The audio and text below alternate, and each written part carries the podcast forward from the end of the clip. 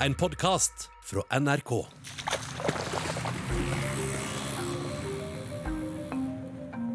Mitt første møte med noen fra Asia var nok når jeg var elleve år gammel og var på speiderleir utenfor eh, Haugesund. Der møtte jeg to jenter fra Taiwan. Det var så spennende, syns jeg, at jeg gjorde alt jeg kunne for å ha tid sammen med dem. Og vi endte opp med å bli pennevenner i flere år etterpå. Og jeg eh, har jo lurt mange ganger på om det kan være de som vekker min interesse for eh, Øst-Asia. I sommer blir du bedre kjent med NRKs korrespondenter. Og denne uka har vi kommet til Kjersti Strømmen. Jeg er NRKs Asia-korrespondent og bor i Beijing. Jeg har gjort det nå de siste fire årene.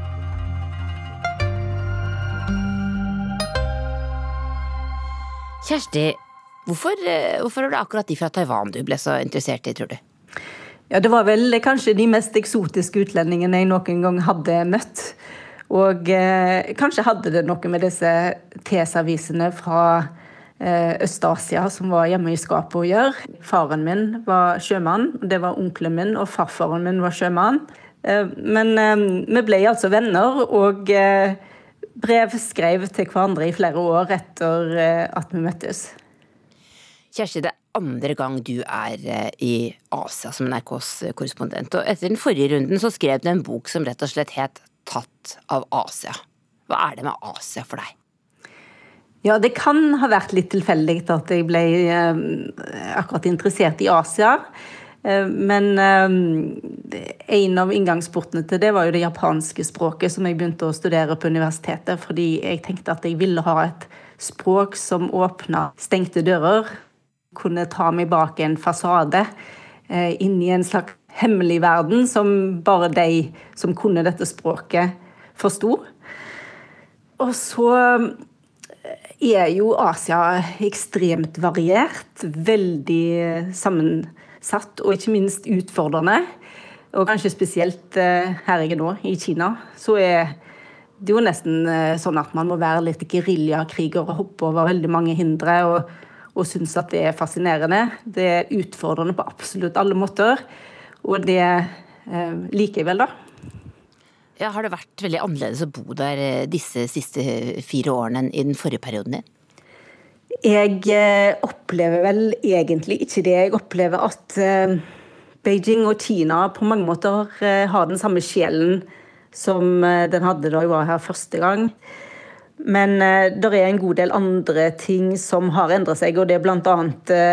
Dette med penger, økonomi. Altså Kinas storbyer er jo blitt blant de dyreste i verden å bo i. Folk har fått mye penger mellom eh, hendene. Her er man jo sinnssykt mange millionærer. Og så er det det at um, overvåkningen var jo òg veldig tilstedeværende den gangen jeg bodde her sist, mellom 99 og 2003. Men uh, den er jo blitt mer elektronisk og mer systematisert. Sånn at det er jo mye vanskeligere nå å prøve å få til kanskje en slags hemmelig avtale med en kilde eller eh, møter. Og eh, det gjelder jo både for oss som er journalister og eh, for folk flest at det nå er vanskeligere å gjemme seg unna.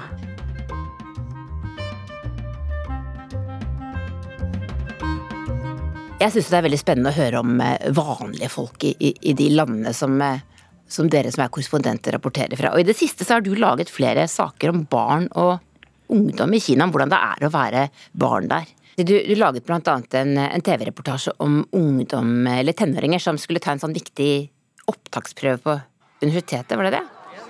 Nervene er i høgspenn utenfor eksamenslokalet, for rekordmange kinesiske ungdommer kjemper om plass på universitet og høgskoler. Hva slags press er kinesiske tenåringer under nå? Ja, eh, her er det nettopp blitt bestemt i Kina at eh, det skal bli slutt på eh, denne massive industrien med å drive sånn opplæring etter skoletid.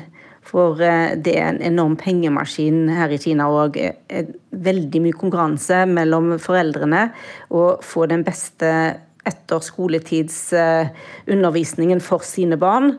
Koster masse penger, og det er jo derfor òg at mange ikke har råd til å ha barn. Fordi at eh, de føler at eh, de må gi barna sine de samme mulighetene som nabobarnene får, med en sånn veldig som sier, tung utdannelse på alle mulige områder, både når det gjelder sport og eh, pianotimer og eh, mattetimer og engelsktimer eh, og alt mulig. Så det er jo veldig sjelden at vi ser noe særlig sånn i hverdagen, i hvert fall det området som vi bor, at det er barn ute og leker. For de aller fleste sitter og gjør lekser. Du har selv eh, en datter som har bodd sammen med deg i Kina disse siste årene. Hvordan har hun opplevd dette skolesystemet? Ja, hun går jo på internasjonal skole. Jeg kunne jo veldig godt tenkt meg at hun gikk på en kinesisk skole, nettopp for å eh, oppleve både kulturen og språket. Men eh, det er jo, kinesisk er jo vanskelig og et veldig sånn puggefag, så det er vanskelig å komme inn på en kinesisk skole hvis ikke man begynner når man er i barnehagen eller i første klasse. Så min datter har gått på internasjonal skole, men den merkes òg at den er ganske påvirka av kinesiske foreldre. Fordi mange av disse barna som går der og går på de internasjonale skolene, Eh, har kinesiske foreldre, men kanskje er født i utlandet, og derfor så har de fått utenlandsk pass og mulighet til å gå på en internasjonal skole. Så det betaler kinesiske foreldre veldig mye penger for, og derfor så blir det òg veldig dyrt for mange eh, fra utlandet i å ha barn på skole her. Det gjør òg at mange rett og slett har rømt fra Kina fordi de ikke har råd til å betale for eh, det det koster. Så utdanning er nøkkelen til, til framtida for, for kinesiske familier? Ja, helt klart. Altså, det begynner fra de er eh, født omtrent. Eh, så snart de kan snakke, så skal de ha ekstraundervisning for nettopp å bli forberedt til den store eksamenen Gaokao, som eh, da vil være et ja eller nei til videre ut, utdanning på et eh, viktig eller stort eller betydningsfullt universitet. For får du det, så er liksom livet ditt redda.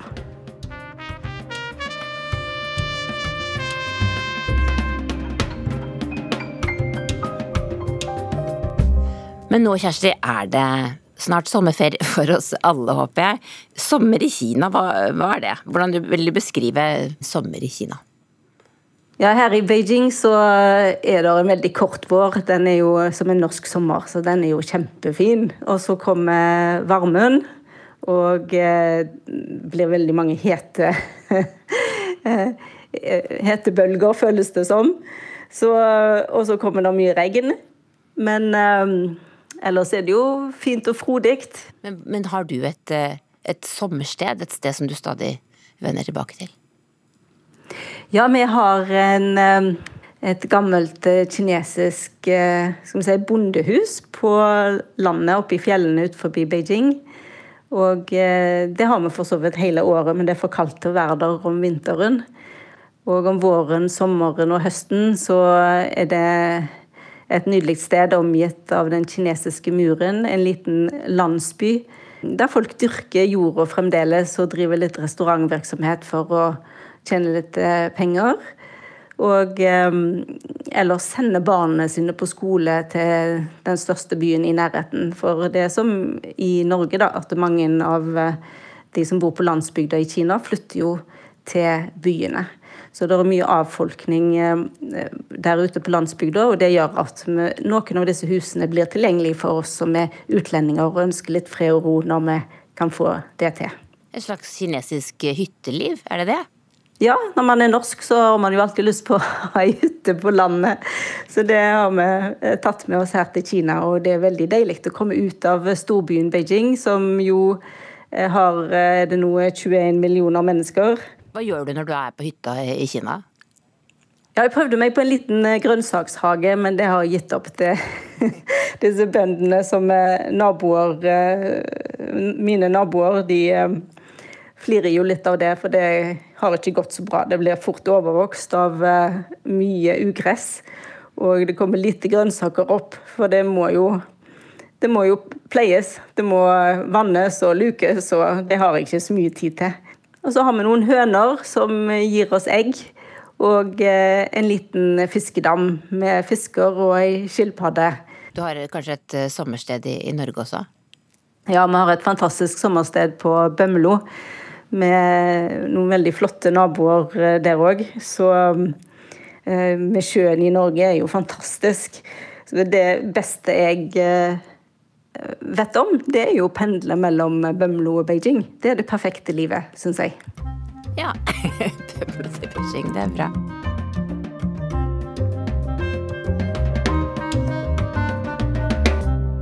Kjersti, du har vært journalist i flere ganske, ganske mange tiår etter hvert. Eh, er det en sak du, du aldri glemmer?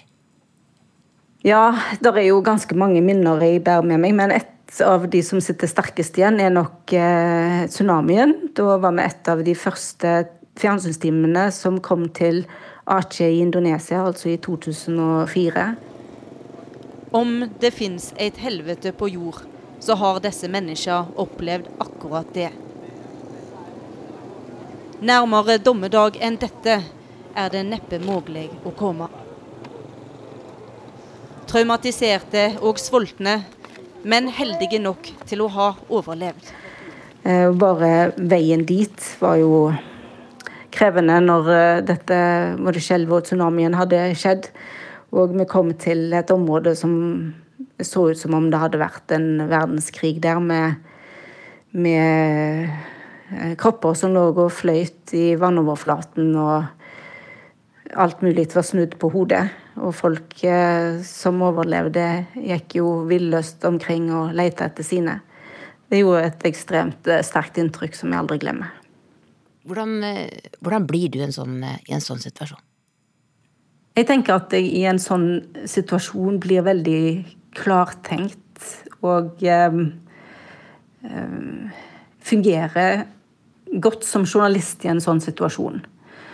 Så, og det er kanskje noe av det som gjør at jeg kan gjøre det igjen og igjen. Fordi jeg opplever at det kanskje er en slags uh, um, prosess i det å gjøre den jobben som jeg opplever som viktig da, der og da, og så rapportere om det som faktisk har skjedd og om skjebnene der, at jeg eh, ved å gjøre den jobben òg behandler det mentalt. Og derfor òg kan eh, dra derfra med en følelse av at jeg har gjort mitt og gjort noe viktig. Jeg syns alltid det er vanskelig å dra fra sånne steder når man liksom plutselig skal sove i ei, ei god seng med rene lakener igjen, mens mange er igjen, og de som bor der, er igjen og har utrolig vanskelige liv foran seg.